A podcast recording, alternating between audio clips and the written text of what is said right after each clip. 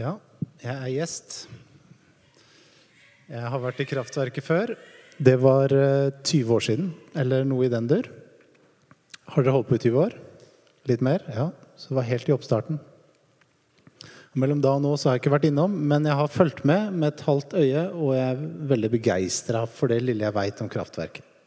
Så takk for invitasjon eh, og mottagelse. Og anledning til å snakke om eh, noe jeg brenner for, bare det har med fasten å gjøre. Det jeg skal snakke om, det har nesten noe med fasten å gjøre.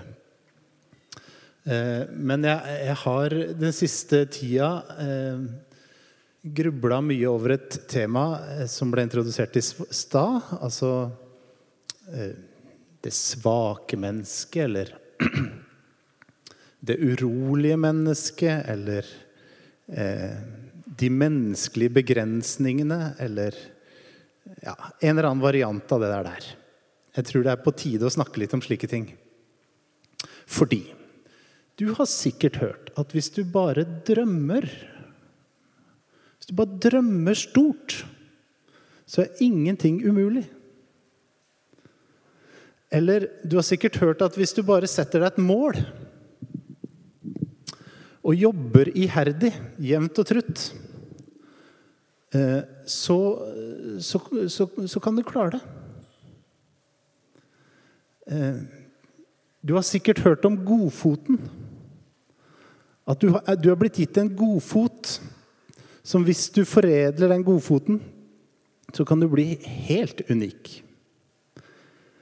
Eller du har hørt, kanskje til og med i kristne sammenhenger, tale om talentene. og Alt dette er riktig, og det er noe bra ved alt det jeg sier nå, men talenter du, er, du har et talent, eller du har en gave. Eller vi kan åndeliggjøre det og kalle det en nådegave. Som du kan reindyrke. Og det er liksom din mening i livet, at du skal reindyrke denne nådegaven. Du har en akademisk variant av det samme, som vi kan kalle spesialisering eller fordypning. Du kan bli verdensledende innafor et veldig smalt felt. Du kan det. Mulighetene er uendelige. Verden ligger åpen. Begrensningene finnes knapt. Jeg tror det er litt av mantraet om dagen. Og så tror jeg i en sånn en eller annen variant av dette her, så ligger det noen omkostninger rett rundt hjørnet. Og noen av de omkostningene de ser vi også. Eh, litt her og litt der. Eh, jeg tror ikke det er helt sant at vi har mulighet til alt. Jeg tror ikke det engang er lurt å under Eh, det vi har av svakhet og begrensning i oss. Jeg tror det er bedre å være ærlig. Jeg tror, jeg tror mer på å forsone seg med det. Jeg tror på å forholde seg til det. Jeg tror på å jobbe med det. Men jeg tror ikke på å overse det. Jeg tror ikke på å overse det. Og her mener jeg at vi kristne har en gave til verden. Her mener jeg vi har noe å tilføre. For at under alle disse her, eh, tingene som jeg begynte med, da, med drømmer og visjoner og målsetninger osv., så, videre, så ligger det et syn på mennesket. Eh, om at mennesket har ikke så mange begrensninger med mindre vi begrenser oss selv. Mens det kristne menneskesynet jeg, opplever, jeg, blir mer og mer glad i det. Det kristne synet på mennesket har rom for det gode. Ja, selvfølgelig. Vi er de som tror på det gode i mennesket. Men vi er ikke de som bare tror på det gode i mennesket. Vi tror det også fins en skygge, en bakside, en brist. Slike ting. Og I den dobbeltheten, i miksen Det gode og vidunderlige og uendelig unike og verdifulle på den ene side. Og bristen, skyggen, svakheten, uroen, kall det hva du vil. Så har vi den andre siden, som også er oss. Eh, Jeg har forholdt meg mye til Bibelens elleve første kapitler i det siste. Altså, da er vi i Det gamle testamentet, og vi er på de første få sidene. Det er så få sider at det kan hende du rekker å lese det i løpet av fastetiden. Det er bare ja, 10-11 11 sider. De elleve første sidene i Bibelen. Elleve første kapitlene i Bibelen. Den vi kaller urhistorien. Urhistorien. Eh, jeg har blitt hekta på urhistorien. Noe av det som har hekta meg med den, er at den på en måte, den prøver ikke å fremstå som den er en del av tiden. Når vi kommer til kapittel 12 i Gammeltestamentet, så begynner klokka å gå. Da er vi inne i Abrahamsfortellingen. Da er vi inne 2000 år før Kristus. Mens de elleve første kapitlene, da er jo på en måte litt inni det mytiske. Altså debatten har Adam og Eva levd. Ble verden skapt på akkurat den måten? Hva med Noah? Kan vi finne arken noen gang? Og så videre. Helt irrelevante debatter, syns jeg. Interessante, ja. Bruk gjerne et liv på det. Men det er irrelevant, for det går glipp av poenget. Disse fortellingene er sanne. Ikke først og fremst historiske. De kan være det, de kan være det, men la det ligge. La det spørsmålet ligge, for du går glipp av poenget. Poenget er at de er eksistensielt sanne.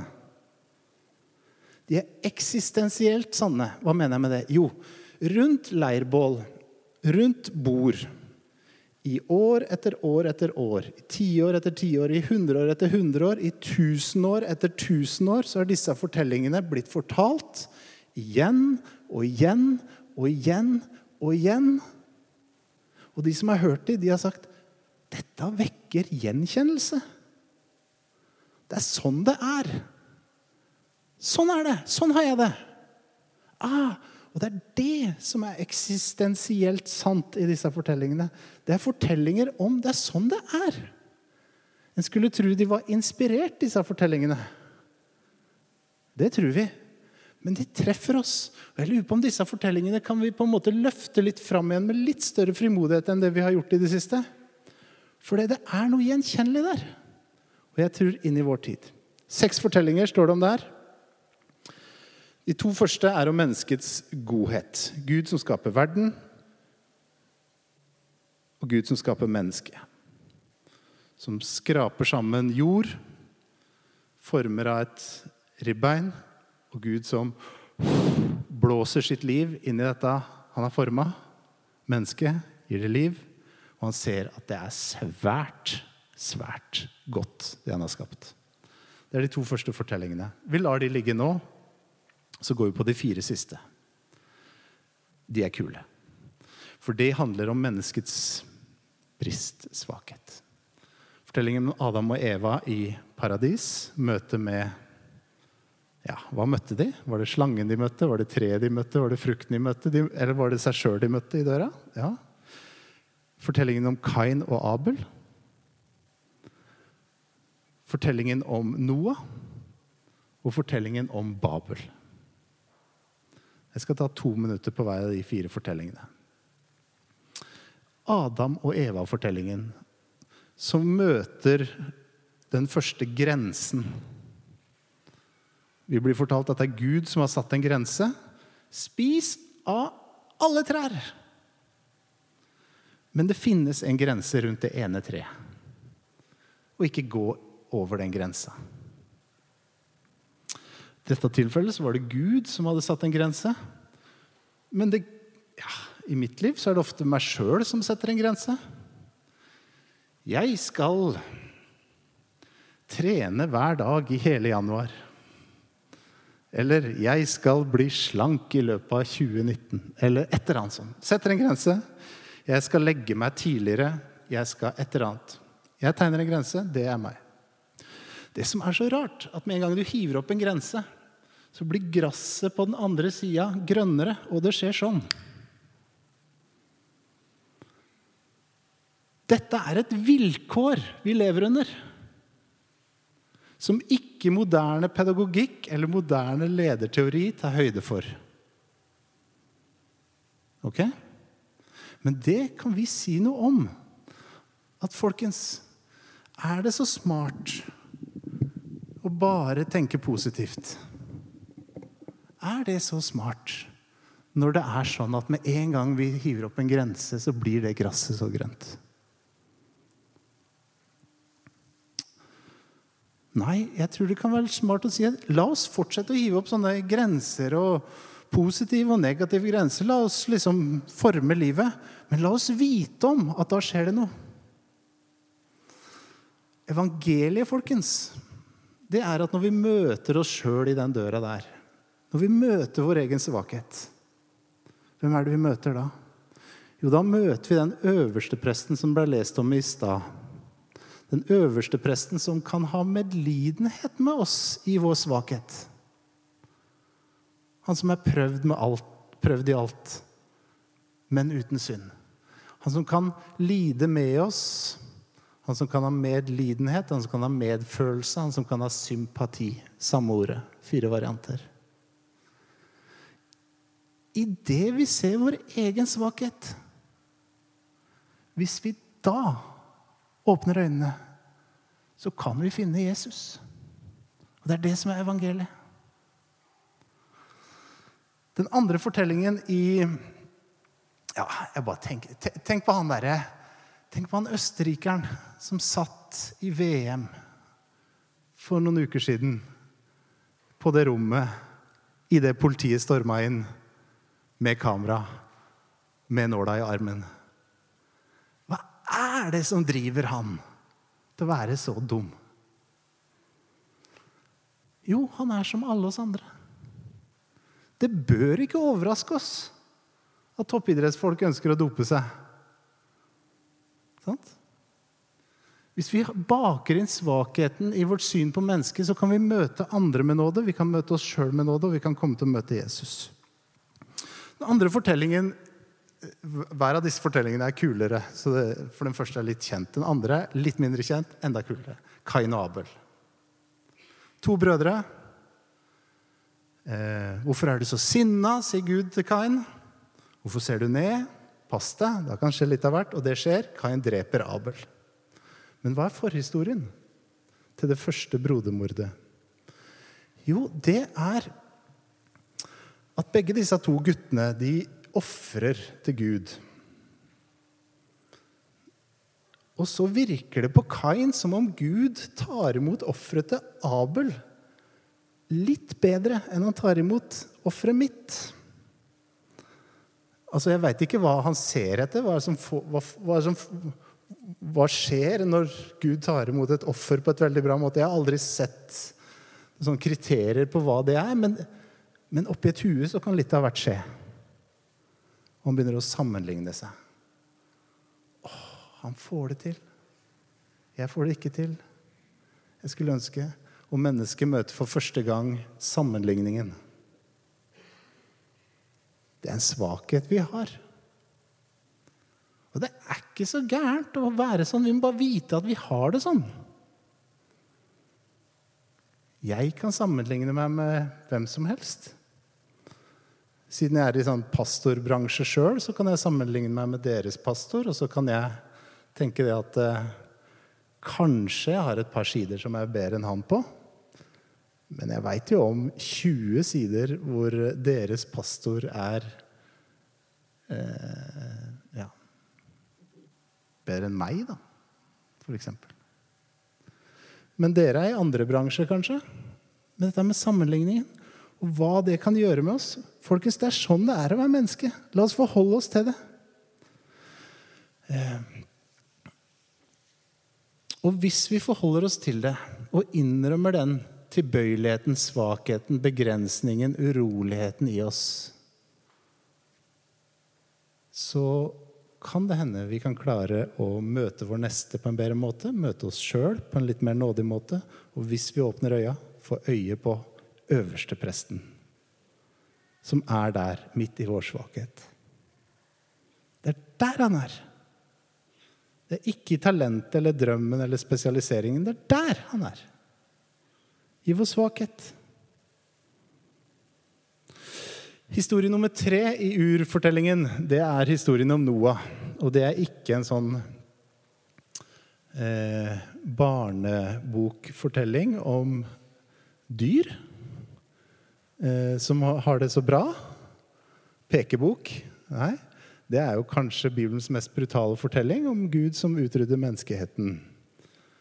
Eh, for hvorfor, må vi spørre oss. Det var en forhistorie. Gud lovte at dette skulle bli absolutt siste gang han gjorde. Men han angra at han hadde skapt mennesket. For det mennesket hadde begynt å rote seg bort i viljen, i hjertet og i planene. Det er det det står. Viljen, hjertet, planene. Seinere i Bibelen får vi vite at menneskene hadde liksom gitt seg over til lystne. Det behagelige. Moderne ordet, som egentlig er et gammelt ord, hedonismen. Når du ikke styres lenger av en samvittighet eller en sunn skam eller en, et indre kompass eller et eller annet, men du bare gir deg over til dopamin og endorfiner og lyst og rus og det behagelige og det friksjonsløse og det gøyale og det som er lættis på slike ting.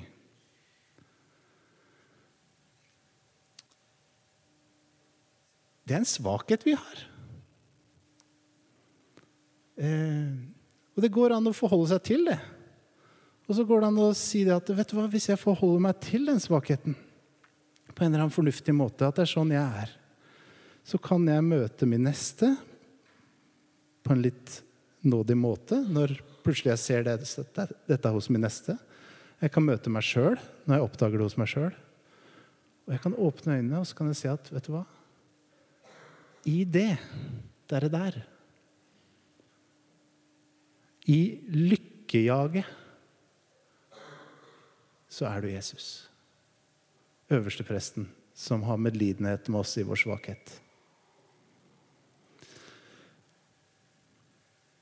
Og den fjerde historien i urhistorien det er jo historien om Babel. Som mange av oss assosierer med en sånn historie om språkforvirring. Eh, den gangen alle folk eh, fikk forvirra språk. Og det er noe i. Det er et poeng i historien. Men vi går glipp av det store poenget, nemlig tårnet. Tårnet. Hvis du skal forstå den fortellingen, begynn med tårnet. Er det, hvem er det som bygger tårn? Jo, vi har en president i USA nå som starta med å bygge et tårn. Trump, bygge, Trump Towers har dere hørt om? Ja. Det er en stor debatt nå hvor skal Røkkes tårn stå i Norge. Eh, vi har eh, ja, Faraoen hadde sine pyramider.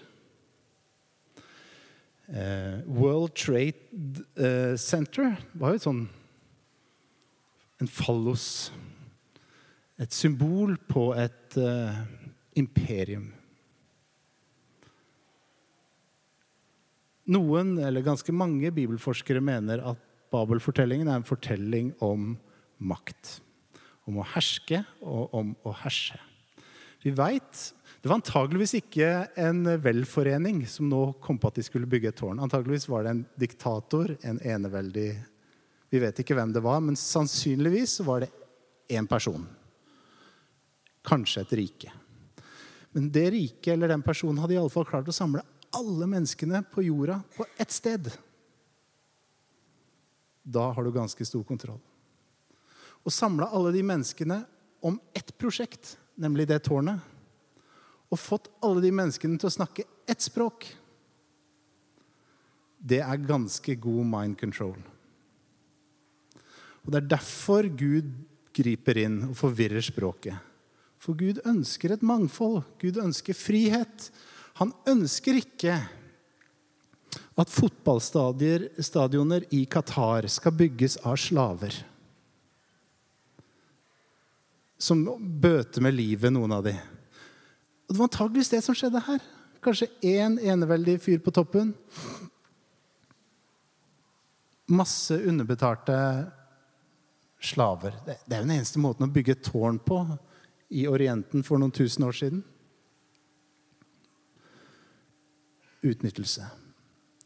Denne evnen til å herske, til å herse, men også evnen til å bli hersa med, bli herska over, det er en brist vi går og bærer på. Og jeg har det, og du har det.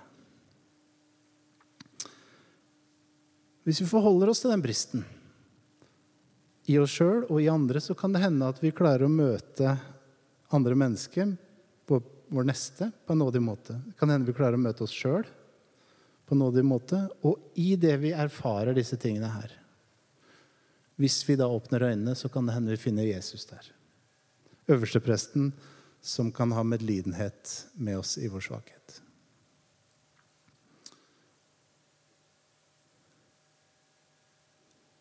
Snu deg mot din sidemann. Snakk i ti sekunder hver om det var noe i det jeg sa nå, som vekka gjenkjennelse. Så tar jeg ordet igjen om 30 sekunder. Vær så god.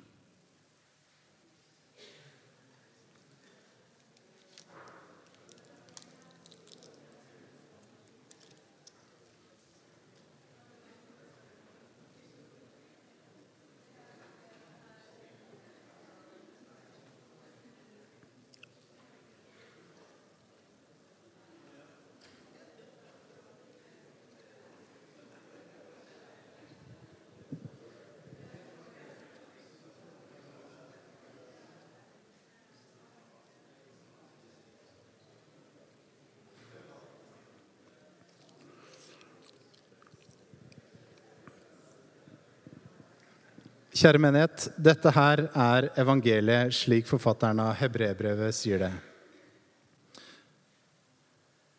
Siden vi har en stor øversteprest som har gått inn i himlene, Jesus, Guds sønn, så la oss holde fast ved bekjennelsen. For vi har ikke en øversteprest som ikke kan lide med oss i vår svakhet. Nei, vi har en som er prøvet i alt på samme måte som vi, men uten synd.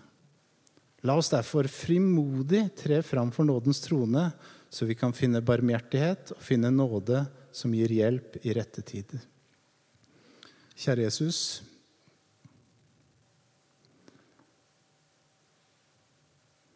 La kraftverket og alle andre menigheter være steder hvor vi omfavner hele mennesket. Takk for eh, at du har skapt oss som svært, svært gode.